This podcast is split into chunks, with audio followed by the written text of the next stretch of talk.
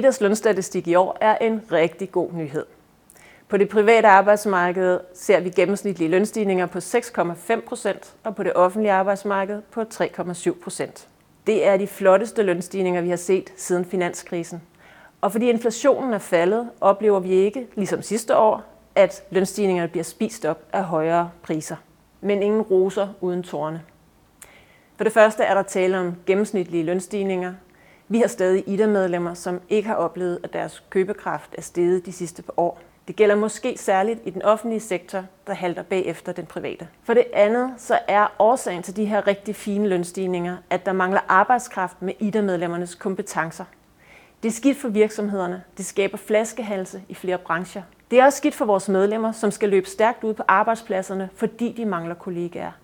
Vi ved, det er en udfordring for det faglige niveau, og vi ved, at det øger risikoen for at blive syg af stress. Derfor skal vi fremover have fokus på at få flere højtuddannede inden for ingeniørkundskab, IT og naturvidenskab.